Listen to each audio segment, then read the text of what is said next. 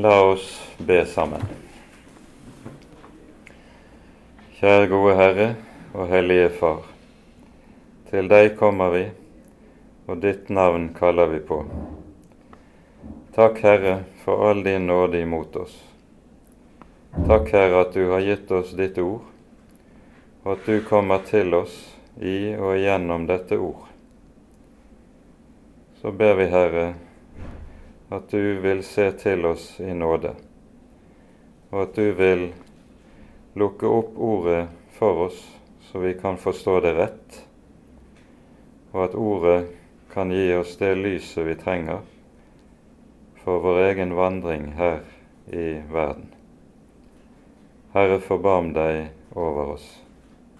Amen.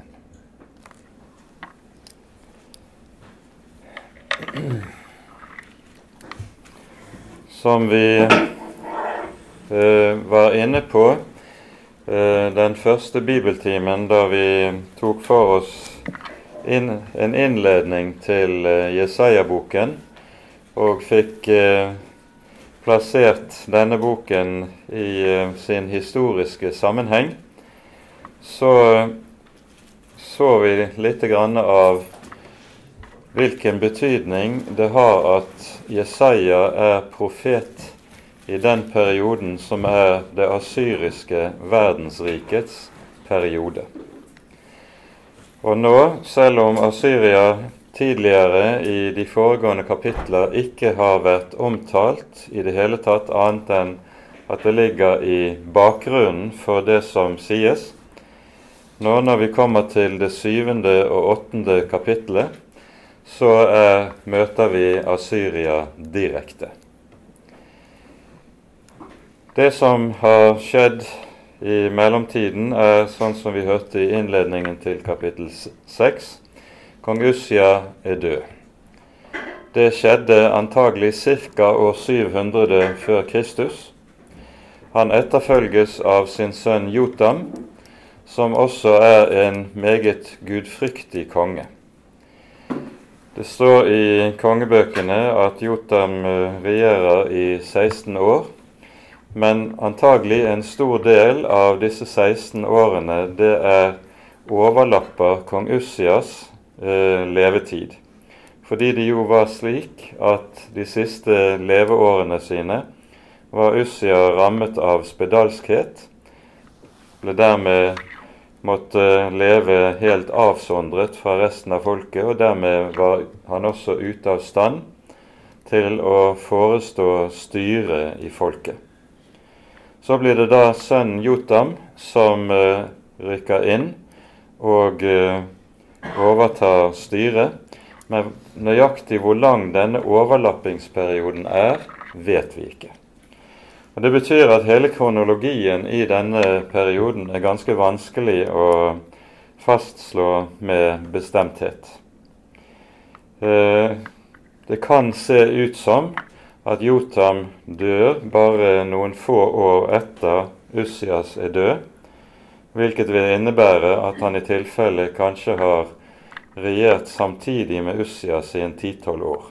Men dette er umulig for oss å vite konkret, fordi Bibelen ikke gir oss eh, data på dette.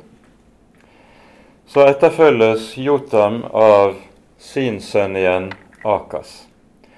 Og Akas er en av de mest ugudelige kongene i hele det gammeltestamentlige Israels historie. Og de beslutningene han også fatter i sin regjeringstid, har fullstendig ødeleggende følger for hele det jødiske folk. Og Dette henger sammen med budskapet vi hørte i det sjette kapittel, som handler om dette at i det år kong Ussias dør, så begynner den domstid for det gammeltestamentlige gudsfolk som innebærer at dette folkets frivillige og selvvalgte forherdelse går over i en Gud pålagt og Gud villet forherdelse. Og denne Gud pålagte forherdelse er altså en Guds dom over folket. Når vi nå kommer til det syvende kapittelet, så er det slik at det syvende kapittelet det gir oss beretningen om hvorledes Gud eh, virkeliggjør denne dom, eller denne dom virkeliggjøres på sitt første stadium, i sitt første skritt, noe som altså nemlig skjer i og med kong Akas.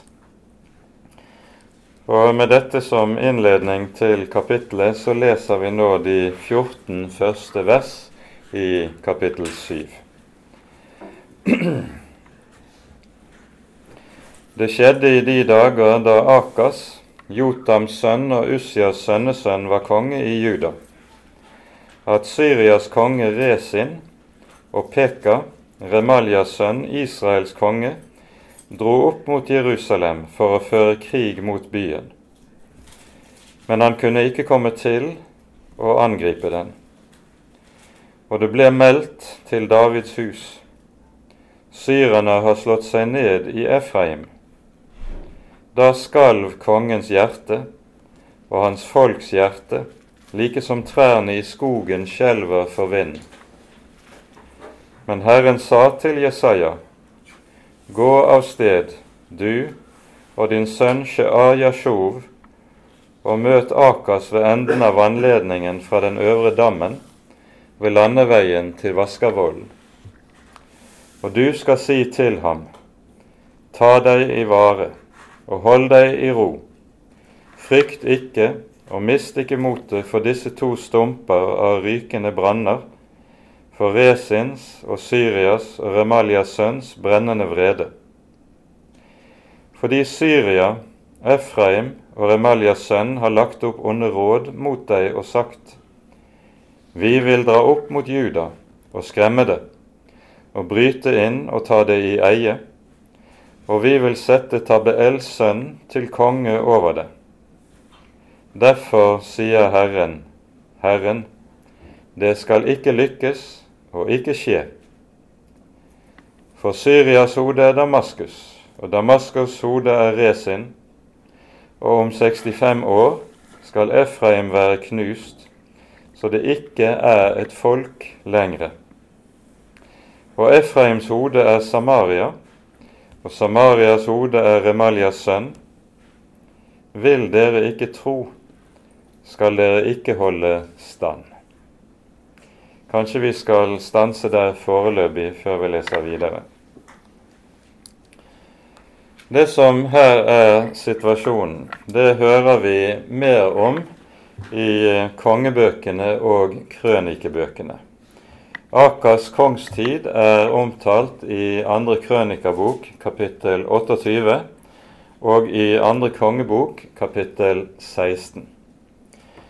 Og vi hører i eh, disse to, når vi holder disse to eh, kapitlene sammen, hvorledes eh, Akas regjeringstid er en regjeringstid preget av de aller største ulykker for Juda, Judas folk.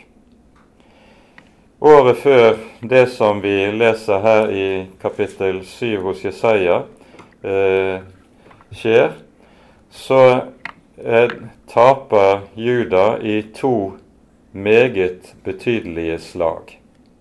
Det ene slaget er overfor syrerne, som erobrer eh, Eilat helt i syd og store deler av det sydlige Israel, og på denne måten får Syria tilgang til Det røde hav. Og etter denne tid så har eh, Juda folk tapt herredømme over denne delen av landet for en lang, lang periode. Eh, det andre store slaget skjer i forhold til Nordriket Nordriket kalles i vår tekst for Efraim. Nordriket besto jo av de ti stammer som ble adskilt fra eh, i forhold til eh, Judariket, som kalles for Sydriket. Eh, de ti stammene eh, kalles en del ganger i, i kongebøkene for Efraim. Vanligvis kalles dette Nordriket for, rett og slett bare for Israel. Men ofte kalles det også for Efraim etter den største av disse ti stammene, den stammen som var den mektigste av de ti. Og så er det altså også her i Jesaja 7. Sydriket bestod kun av Judas stamme og Benjamins stamme.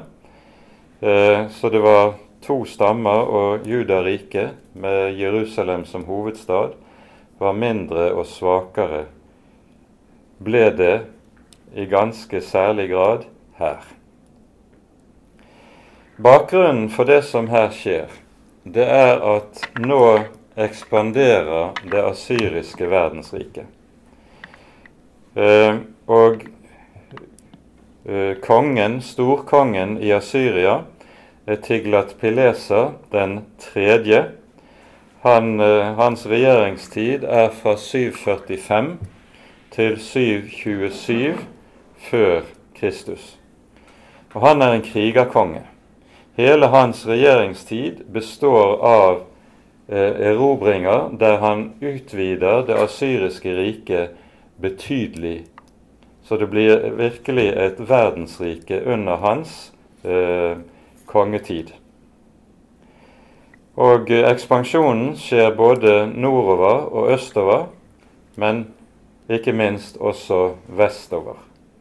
Og de etterfølgende kongene etter Tiglat Pileser har ett stort mål for øyet, nemlig også å erobre Egypt. Hvilket de også klarer et par generasjoner etter Tiglat Pileser. Asyria er i det hele tatt i en periode på nesten 200 år den dominerende makten i Midtøsten. Og eh, det er et krigerfolk, og det er et røverfolk. Asyrias rikdom eh, består av alt det gods og den rikdom som de røver fra de erobrede folk. Og Asyrias herredømme og krigføring var også beryktet for sin veldige brutalitet. Asyria ekspanderer altså, og nå er Asyria på vei vestover og sydover. Det er jo sånn at hærene som kom fra det babyloniske området fra Mesopotamia, de kunne ikke gå gjennom ørkenen som ligger i områdene i dagens Syria og Jordan. De måtte gå nord om ørkenen, og så falt de inn i Israel nordfra. Og Det som da ligger foran, det er at nå kommer den asyriske verdensmakten fra nord. Og alle småkongedømmene i Palestina-området søker å danne en allianse for å demme opp for asyrerne. Denne alliansen består da av Syria, av Nordriket, eller Efraim. Den består av filistrene, av edomitter, Moab og Ammon. Alle disse småkongedømmene slutter seg sammen for om mulig å stanse Asyria. Og De sterkeste partene i denne alliansen det er Syria og Efraim. Akas vil ikke være med i dette. Hans, han forstår at eh, det vil ikke være mulig å demme opp for Asyria. Og det har en bestemt følge, nemlig at Syria og, og Nordriket angriper Akab fordi de ikke vil risikere å bli angrepet i ryggen når asyrerne kommer nordfra. Og Det er dette vi nå hører om. Dette kalles for den syrisk-efraimittiske krig, idet det er Syria og Efraim som angriper Judas rike, angriper Sydriket. Året før har Akas altså lidd to store nederlag militært. Så når syrerne samler hæren sin i nord, sånn som det står her i vers 2. Syrerne har slått seg ned i Efraim og gjør klar til videre felttog sammen med Nordriket mot Jerusalem, så har Akas og Sydriket ingenting å stille opp med. Sydriket er militært knekket allerede. Og så er det, det altså vi hører det som sies her i vers 2. Da, da skalv kongens hjerte og hans folks hjerte like som trærne i skogen skjelver for vind. Dette er altså en uhyre kritisk tid for Sydriket. Og Hva som er hensikten med alliansen, det er altså at Akab skal Eh, fratas herredømmet i Sydriket. Og så hører vi i vers 6 at det sies vi vil sette Tabeels sønn til konge over Sydriket. Hvem dette er, vet man ikke nærmere, men av navnet forstår man at det er en syrer.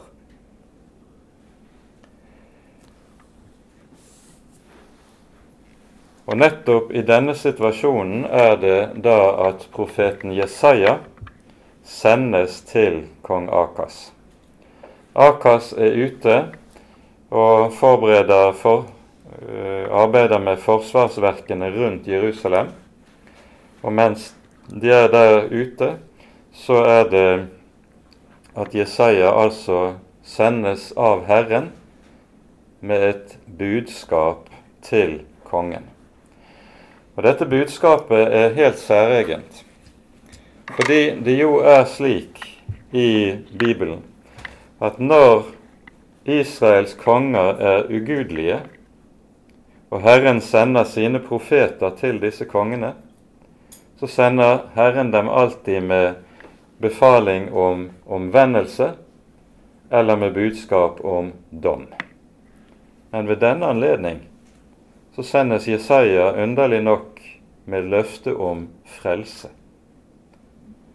Han sendes altså med et løfte om frelse til en av de aller mest ugudelige konger i det gammeltestamentlige Israel. Hva er årsaken til det? Vi hører også ved denne anledning at profeten får befaling å ta med seg sin lille sønn, som er navngitt. Han heter Shear Yashuv. Og dette navnet betyr en rest vil vende om, eller en rest skal vende tilbake. Og Navnet er da et ordspill på som henger som på det som vi hører i eh, avslutningen av kapittel 6, der Herren forutsier en veldig dom som skal ramme folket, og så skal det bare bli en liten rest tilbake. Og denne rest, den skal bli en hellig sæd der det spirer frem noe nytt av. Og Det er dette budskapet som folket minnes om, og kongen minnes om, gjennom at Jesaja får befaling om å ta med sin lille sønn. En rest skal vende om.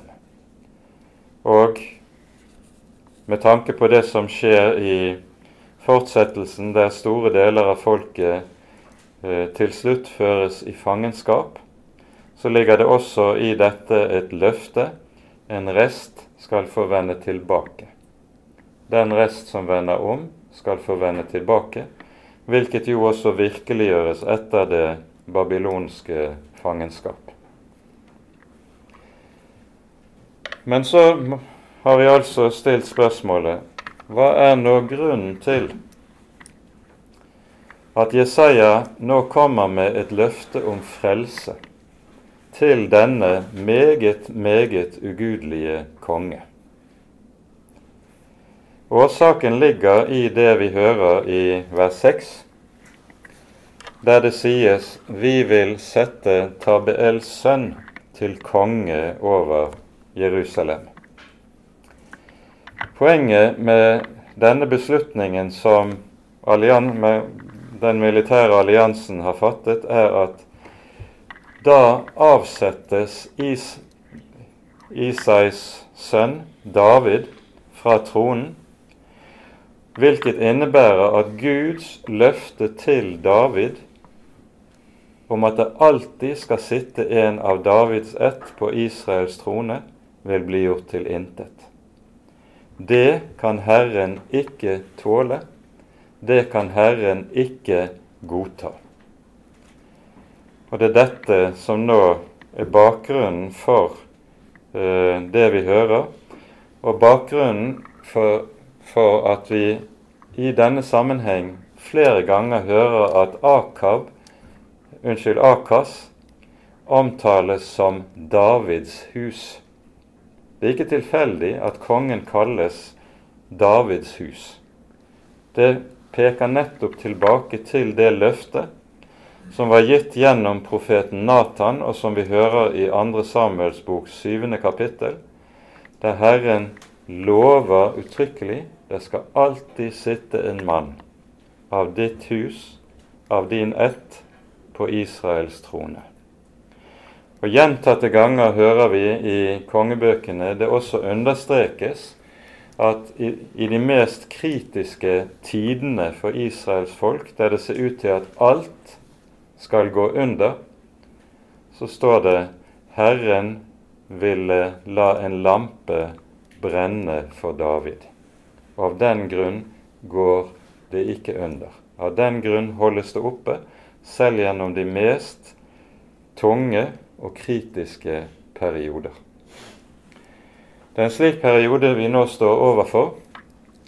Og så er det at Jesaja kommer til Ak Akas. Han kommer med et løfte. Vil dere ikke tro, skal dere ikke holde stand. Dette løftet har lydd tidligere i Guds folks historie.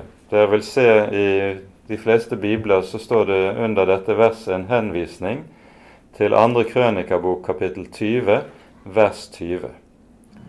Det er der vi hører om begivenhetene når kong Josafat ca. 100 år tidligere angripes av en veldig hær som kommer østfra, fra Moab og Arabia, og der de er fullstendig hjelpeløse. De har ingenting å stille opp mot veldige, dette veldige angrepet som kommer fra øst. Men Herren gir et løfte gjennom sin tjener ved denne anledning.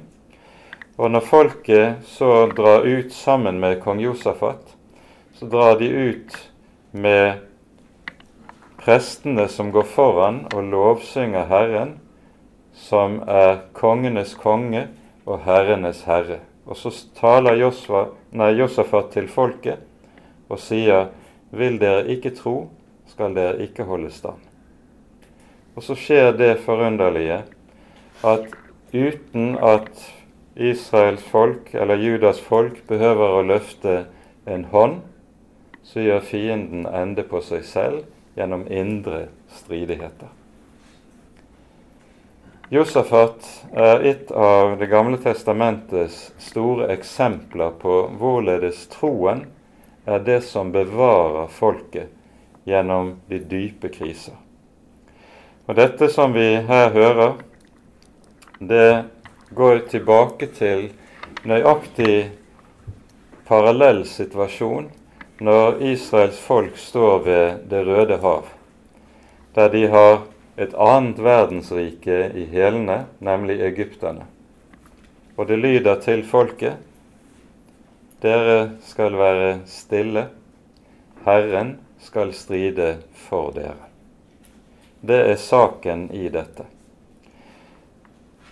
I grunnteksten er dette formulert som et uh, ordspill som ikke er mulig å gjengi godt på vårt språk, men uh, dette er altså løftet. 15-20 år senere så kommer samme ordene og samme løfte til Akas sønn Hiskia I denne tid står den asyriske hæren utenfor Jerusalem. Og Jesaja taler til kong Hiskia, sånn som vi hører det i Isaiah 30 vers 15, og sier:" Dersom dere vender om, skal dere frelses. I stillhet og i tillit skal deres styrke være. Når profeten gir dette løftet til kongen, så ligger det under dette noe som gjentas i en rekke sammenhenger i Salmenes bok, nemlig at Israels styrke aldri består i våpenmakt eller hærmakt. Israels styrke er Herren selv. Et eksempel på dette finner vi i eh, Salme 147, men du finner lignende ord spredd omkring mange steder i Salmenes bok. I Salme 147 leser vi slik i vers 10 og 11.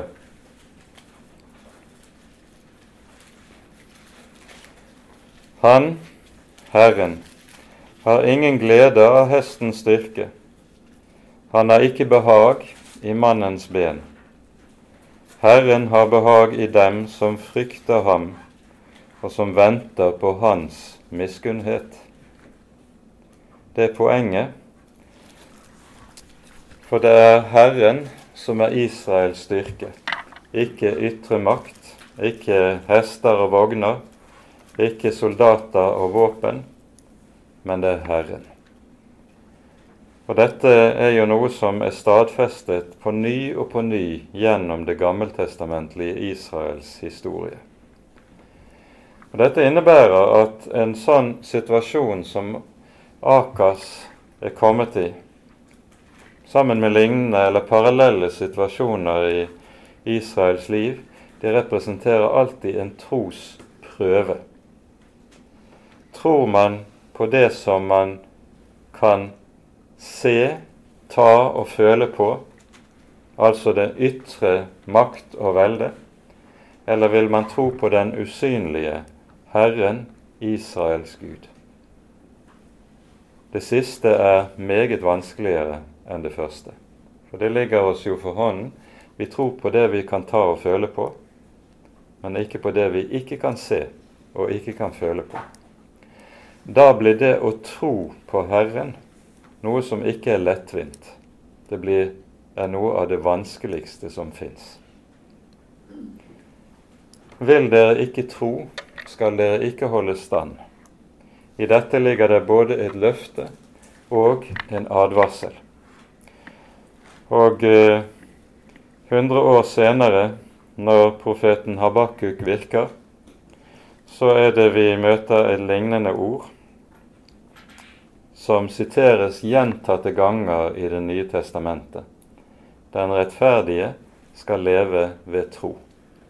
Og Det er sagt nettopp også i den sammenheng i møte med verdensriket, verdensmakten, som kommer østfra, og da er det det babylonske riket det dreier seg om.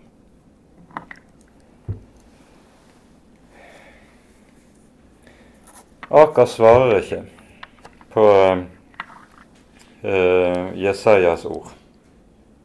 Han uh, syns denne mannen er en plage, for Akas er det man vil kalle for en realpolitiker.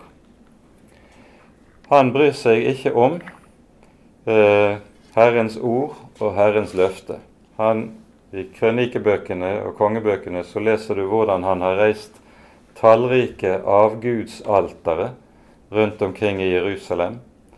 Han var flittig til å dyrke balene, og det står sågar at han ofret flere av sine sønner til avguden Moloch, som var en ildgud. Så det var en forferdelig avgudsdyrkelse som Akas representerer. Det Akas nemlig har gjort i denne tiden. Det er i stedet for å sette sin lit til Herren, så har han sendt ambassadører av gårde til Tiglat-Pileser.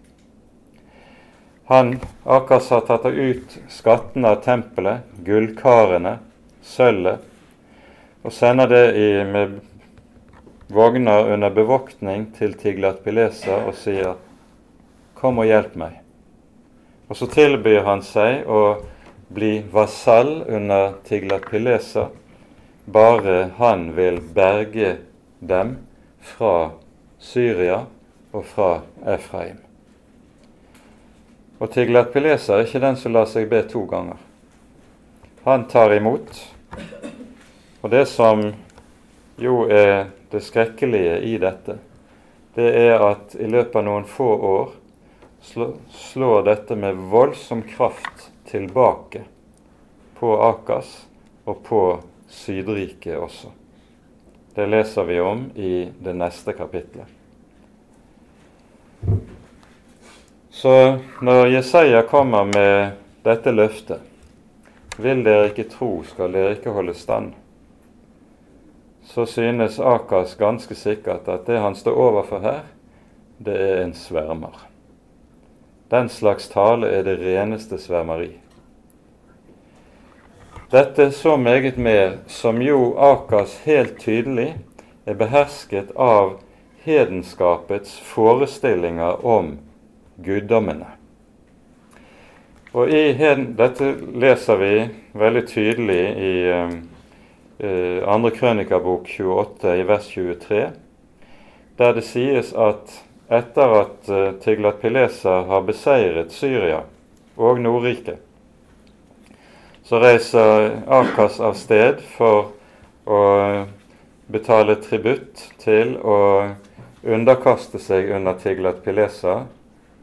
Tiglat-Pileser har da erobret Damaskus, så Akas reiser dit. Og Der ser han et stort alter som Tiglat-Pileser har latt reise. Og så sender Akas tilbake til Jerusalem, tegning av dette alteret, og gir befaling til ypperstepresten i tempelet om å lage en kopi av det og sette det i tempelet i Jerusalem. Og så står det begrunnelsen. Fordi nemlig de guder som hadde hjulpet Tiglat-Pileser og asyrerne, hadde vist seg mektigere enn alle andre guder. Tankegangen i hedenskapet var nemlig den at den som seiret på slagmarken, var den som hadde de mektigste gudene. Og når Tiglatpilesa seirer, så er det fordi han har sterkere guder i ryggen enn både Syria har og Israel har, og han selv har hatt som Herren. Han tenker hedensk også om Herren, at når hans eget rike er blitt så svakt som det er, så er det fordi Herren er en svak Gud. Derfor lønner det seg ikke å dyrke Herren og følge Herren. Det lønner seg heller å følge asyrernes guder og dyrke dem. Slik tenker Akas, og så får han satt opp dette asyriske alteret i tempelet i Jerusalem, mens brennofferalteret, som etter Herrens ord og befaling skulle stå i tempelet, det flyttes vekk. Dette er altså situasjonen som vi står overfor her. Sånn at Akas han svarer overhodet Det vi hører her i kapittel 7, det er at han svarer overhodet ikke på hva profeten sier. Han ignorerer han. Det er akkurat som han bare snur en kald skulder til han og ikke vil røre ham over hodet. Og så kommer det neste avsnittet, vers 10 til 14. Herren ble ved å tale til Akas og sa:" Krev et tegn av Herren din Gud. Krev det i det dype eller i det høye der oppe. Men Akas svarte, Jeg vil ikke kreve noe, og jeg vil ikke friste Herren. Da sa profeten, Hør da, dere av Davids hus. Er det for lite for dere å trette mennesker, siden dere også tretter min Gud? Derfor skal Herren selv gi dere et tegn. Se, jomfruen skal bli med barn, hun skal føde en sønn og gi ham navnet Immanuel.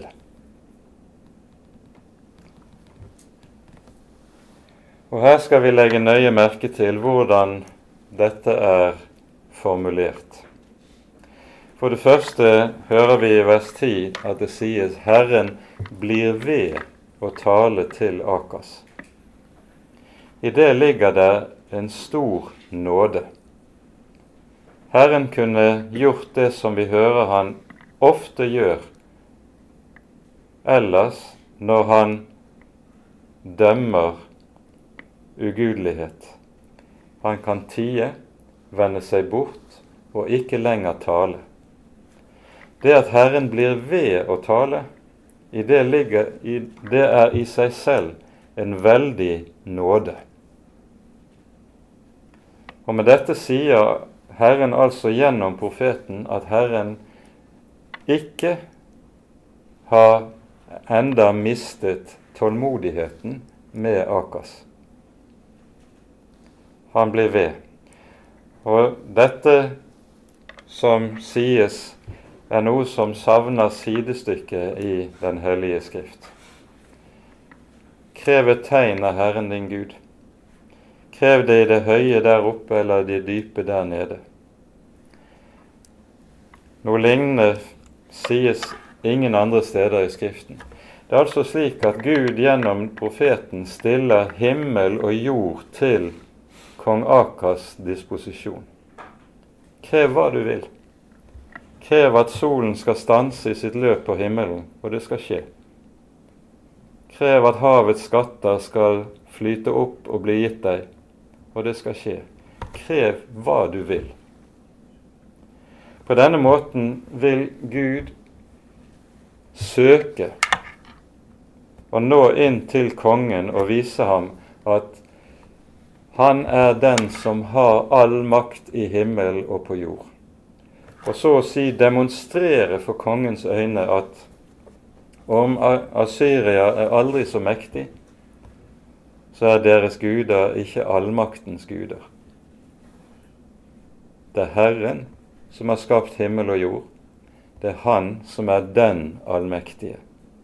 Og Årsaken til at Akas har lidd nederlag på slagmarken, ligger ikke i at Herren er svak, men det ligger i at Akas er en ugudelig mann, og som derfor står under Guds dom, sammen med folket. Det er Herrens vrede som har bevirket nederlagene som Akas har opplevd. Nå tilbyr Herren altså Akas at han så å si skal få syn for sagn, og at Herren vil åpenbare hvem han er. Men på ny avviser Akas Herrens tilbud. Og vi forstår og aner hva som ligger i bunn under det. For dersom Akas hadde svart ja til dette, da hadde det fått helt bestemte følger. For det første måtte han kalle tilbake delegasjonen som var dratt til kong Tiglat Pilesa, med de uante følger det ville komme til å ha.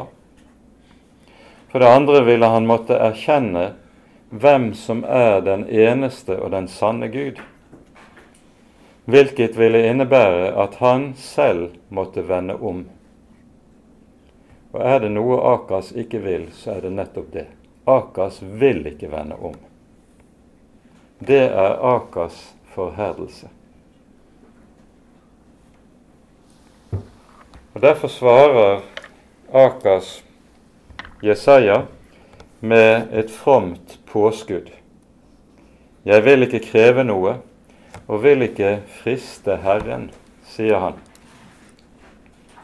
Og Så viser han med dette til ordene i 5. Mosebok kapittel 6, der det står en uttrykkelig befaling til folket du skal ikke friste Herren din Gud. Ord som jo Jesus gjentar i forbindelse med fristelsen i ørkenen. Men med å svare slik, så sier Akas indirekte til Jesaja du prøver å friste meg til synd. Du er dermed dypest sett en falsk profet. Så det ligger en indirekte skarp anklage i det som kongen dermed sier til Jesaja. Og så er det at Herren svarer, så hør da dere av Davids hus. Er det for lite for dere å trette mennesker, siden dere også tretter min Gud? Og Du skal legge merke til et skifte her. I vers 11 så sier profeten krev et tegn av Herren din Gud. I vers 13 sier profeten ikke lenger din Gud, men nå sier han min Gud. Med det som profeten dermed sier, så sier han til kongen Herren er ikke lenger din Gud. Du har forkastet Herren, Herren har forkastet deg. Og så er det som nå skjer, det er, er og blir en oppfyllelse av forherdelsesdommen som vi hørte i om i det sjette kapittel, denne virkeliggjøres for første gang på Akers person. Og så gir Herren folket et tegn, og han gir kongen et tegn. Men dette tegnet er av en slik art at det kun kan sees og forstås av det mennesket som tror. For alle andre vil det være skjult. For alle andre vil det være noe som man smiler overbærende av og sier dette er bare en legende, for slikt er umulig. Dette tegnet har altså det med seg at det setter et skille. For troen innebærer det den aller største trøst og fortrøstning. For vantroen blir det foranledning til ytterligere spott og forherdelse. Derfor skal Herren selv gi dere et tegn. Hør da dere av Davids hus. Først kommer det altså en refselse. Er det for lite at dere tretter mennesker, siden dere også tretter min Gud? Med dette så sier profeten at Herren begynner å bli trøtt av slike som kong Akas. Det er forferdelig når det blir sagt. Og så kommer altså løftet. Så vil Herren selv gi dere tegn. Se jomfruen. Det står ikke 'se én jomfru', men det står 'jomfruen'. Og Med det så vises det til en bestemt jomfru som eh, Dette ligger jo i språket, at det viser tilbake til en bestemt person som i hvert fall for de informerte skal være, ikke skal være ukjent. Ordet her peker tilbake på første Mosebok kapittel 3 vers 15, der det taler om kvinnens sæd som skal knuse slangens hode. For når løftet om frelsen gis allerede på fallets dag, så er det nettopp et løfte om en som skal ha kvinnen til mor, men ikke ha mann til far. Og derfor altså fødes av jomfru. Nå vet dere alle at uh, det har vært skrevet mye, de, særlig de senere år, i forbindelse med bibeloversettelsene, at uh, ordet som her er oversatt med 'jomfru', det er egentlig et ord som betyr en ung kvinne. Det betyr etter grunnteksten en ung og ugift kvinne. Ordet anvendes en del ganger i Det gamle testamentet og betegner alltid en ung, ugift kvinne som er jomfru. En ugift kvinne som ikke er jomfru i Det gamle testamentet, kalles for zona, som betyr en horkvinne. Det er den allmenne betegnelsen. Så ordet alma, når det anvendes slik som vi hører det i Det gamle testamentet, så betegner det alltid en som er ung og ugift, og altså også er en jomfru, som ikke har et omgang med mann. Denne jomfru skal bli med barn og føde en sønn og gi ham navnet Imanu El. Og så er poenget her at i dette så ligger det et tredobbelt tegn. Ordet tegn som anvendes her, det kan i veldig mange sammenhenger bety det vi kaller for et under eller et mirakel. Det tredoble tegnet i dette er for det første Dette barnet forener det som Akas får tilbud om. Krever tegn av Herren din Gud i det høye eller i det dype.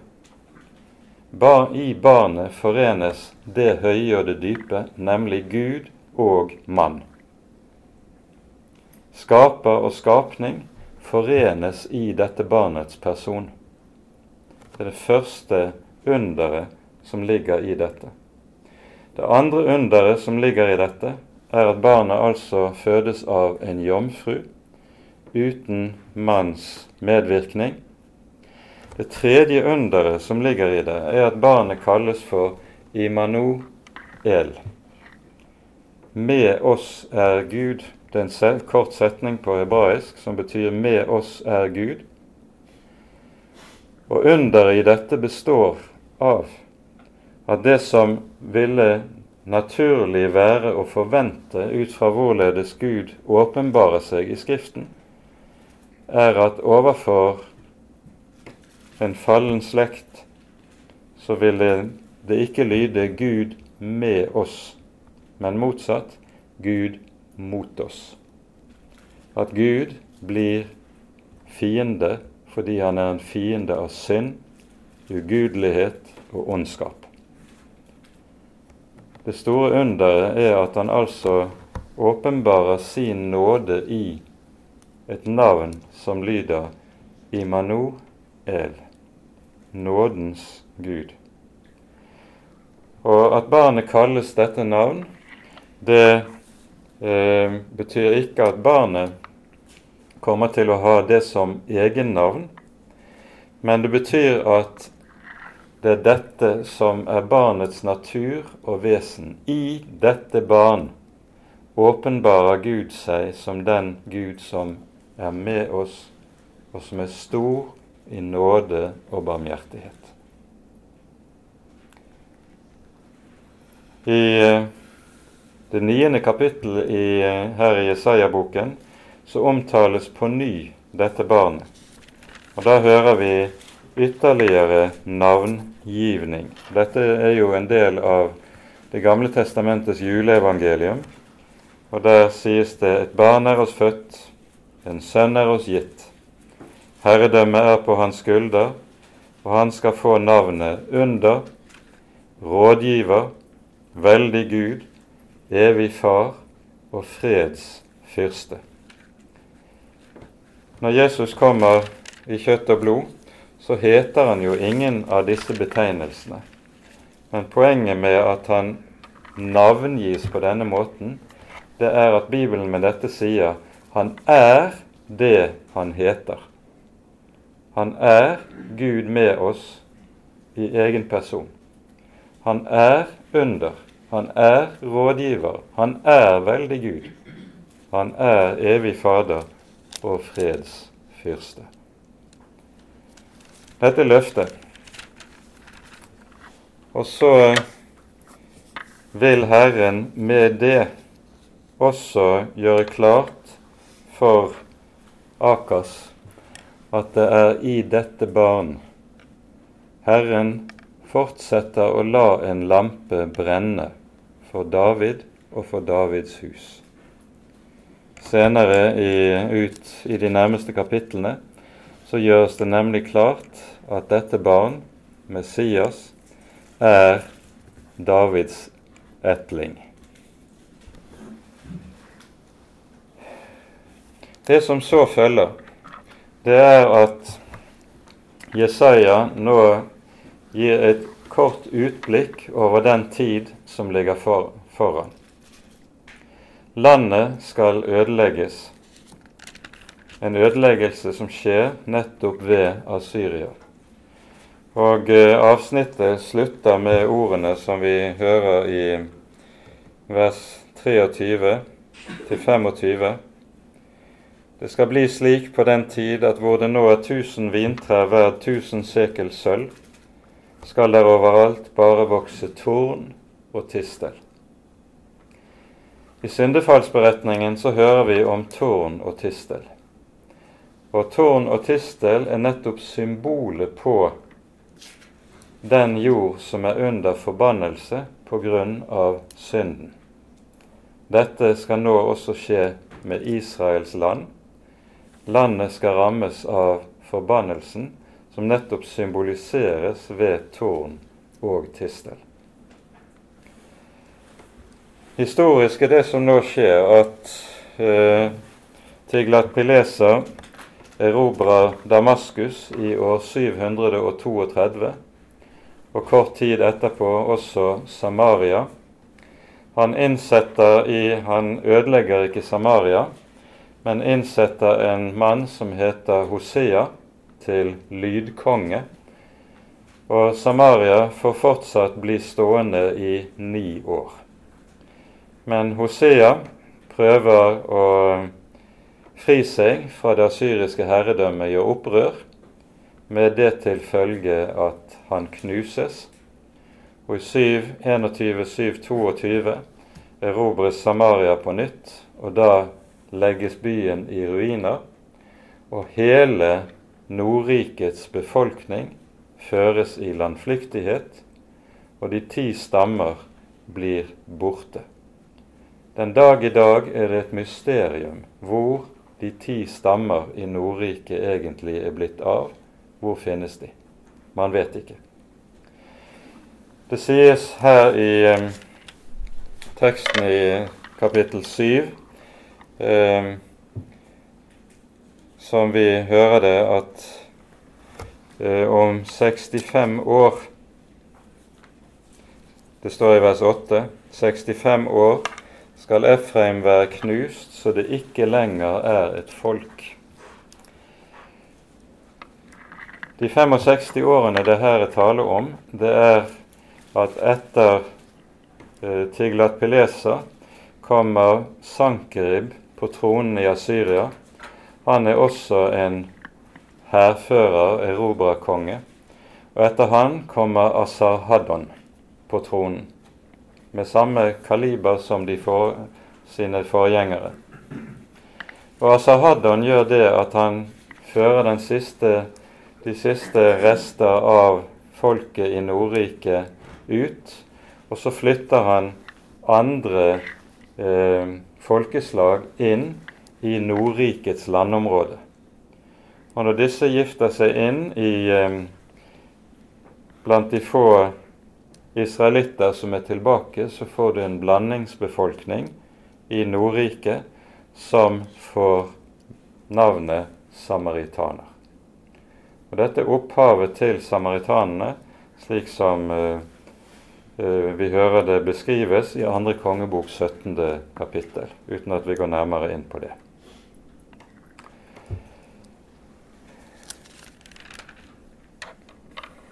Kong Akers politikk har ødeleggende følger.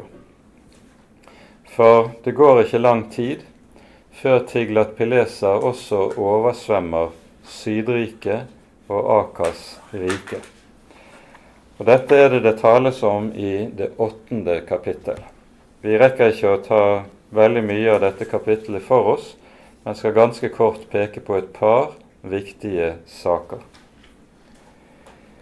Herren sa til meg, ta deg en stor tavle og skriv på den med alminnelig skrift. Snart bytte, rov i hast. Og jeg vil ta meg sikre vitner presten Uria og Zakaria, Jeberekias sønn. Siden gikk jeg inn til profetinnen. Hun ble med barn og fødte en sønn, og Herren sa til meg, kall ham Maher Shalal Hashbas, som er et navn som også betyr snart bytte, rov i hast. Om vi skulle oversette det, meningen med dette til vårt alminnelige språk, så ville det være det som fort kommer, fort går. Og det handler her om eh, både den seier som Akas tilsynelatende har vunnet ved å bli fri fra Syria og Nordriket. Det er en seier som er en pyrrhosseier. Den slår tilbake på Akas voldsomt. Så seieren blir til tap. og Likeledes gjelder det akkurat det samme for Nordriket, som har seiret både over Juda og andre på slagmarken ved flere anledninger. Alt de har vunnet, skal de miste like raskt som de vant det. Og dette forkynnes altså både i skriftlig form, skriv det på en tavle, og ved at profeten får en sønn som skal kalles med dette navn. Maher Shalal Hashbas. Og så hører vi det sies i vers 4.: Før gutten vet å rope far og mor, skal de bære rikdommen i Damaskus og bytte fra Samaria frem for Assurs konge. Herren ble ved å tale til meg og sa:" Fordi dette folk forakter Siloas vann, de som renner så stille, og gleder seg ved Resin og Remaljas sønn, altså Syria og Nordriket. Se, derfor fører Herren over dem elvens vann, de mektige og store, Assurs konge og all hans herlighet. Elven det her er tale om, er Eufrat, som jo er en veldig og en mektig flod. Elven stiger over alle sine løp, går over alle sine bredder, og den trenger inn i Juda, skyller over og velter frem og når folk like til halsen. Dens utspente vinger fyller ditt land så vidt som det er Immanuel. Her møter vi en symboltale som er ganske viktig. Det taler om Siloas vann som renner så stille. Siloa det er eh, kilden som i dag kalles for Mariakilden like utenfor bymuren i Jerusalem, og som hvis vann ble ledet inn til byen eh, i Israels kongetid for å sørge for at byen hadde vannforsyning under beleiring. Dette var en liten og stille kilde, men den betydde liv for folket i byen. Sammenlignet med Eufrat er det puslete og lite. Men denne kilden, denne symbolet på hva Guds folk eier i Guds løfte i evangeliet. Og så gleder folket seg altså ved Assurs vann, ved de veldige vann. De er store, de er mektige. Og så kommer det til å skje, som vi hører her, det blir en veldig flom som oversvømmer landet og når folket like til halsen, sies det. For nettopp dette er det som skjer eh, under kong Hiskia etter Akas. Asyria kommer inn. De inntar og ødelegger hele Sydriket og Judas land, men de klarer ikke å innta Jerusalem utenfor Jerusalem ødelegges asyrernes hær, noe vi kommer tilbake til når vi kommer videre ut i Jesaja-boken. Men bare ganske kort så ser vi at vers 8 slutter med de utspent Asyrerne sammenlignes også med ørner, som kommer like raskt som ørnen kommer over byttet. Det fyller ditt land så vidt som det er Immanuel. Landet kalles for Immanuels land. Og det er ikke tilfeldig. For det dette viser tilbake til, er en bestemt side ved lovgivningen i Mosebøkene. Dere vil huske at når Israel inntar det lovede land, så fordeles landet mellom de tolv stammene. Hver stamme får sitt eget landområde, og innenfor sitt landområde får hver slekt og hver ett sin arvedel, som skal være deres arvedel for alltid. Og I 5. Mose, unnskyld, 3. Mosebok 25 så sies det i lovgivningen om dette at ingen del av landet, ingen arvelodd, skal selges for bestandig. For, sier Herren, landet er mitt, og dere er utlendinger og fremmede hos meg. Altså land Gud sier om dette land, det er hans land. Det er dypest sett ikke Israels land. Og Derfor er det han som konge som også råder over hvorledes landet skal styres. Og det er dette det spilles på her. Når Herren kommer i kjød, så gjelder det fullt ut landet er hans, Immanuels. Vi rekker ikke mer i dag, annet enn at vi må peke på at det som vi finner i Salme 46 Salme 46 er en salme som på mange måter knytter an til det som vi hører om denne perioden i det gamle testament, gammeltestamentlige Israels historie. Og vi møter nøyaktig samme symbolikken her som vi møter i eh, Esaiah 8. I det vi eh, hører eh, i det femte verset om kilden den lille kilden som er i Herrens by. Men vi leser salmen i sammenheng.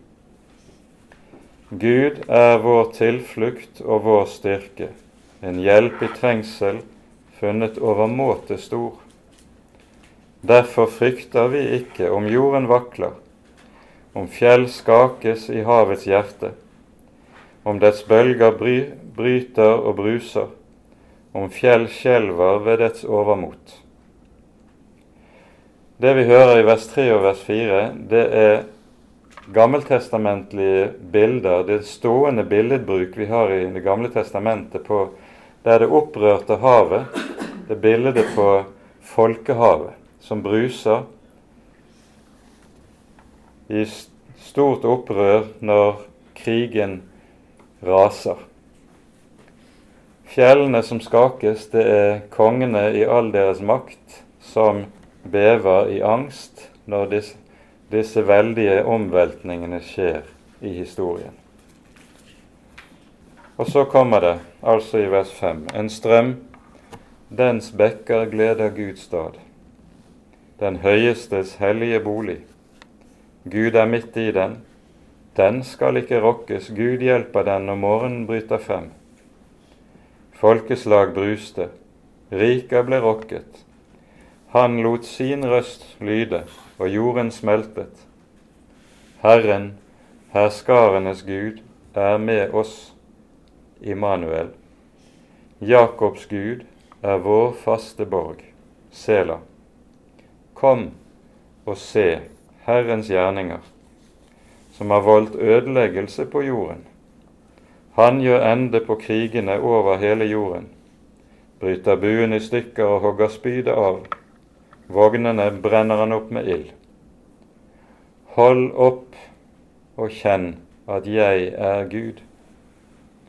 Jeg er opphøyet blant folkene, opphøyet på jorden. Herren, herskarenes Gud, er med oss. Jakobs Gud er vår faste borg. Dere forstår hvordan denne salmen hører sammen med denne tid i Israels historie. Og så er det denne salmen som Luther har brukt som forelegg når han skriver 'Vår Gud, han er så fast en borg'. Og den skal vi synge nå, før vi tar pause. Ære være Faderen og Sønnen og Den hellige ånd, som var og er og være skal en sann Gud, høylovet i evighet.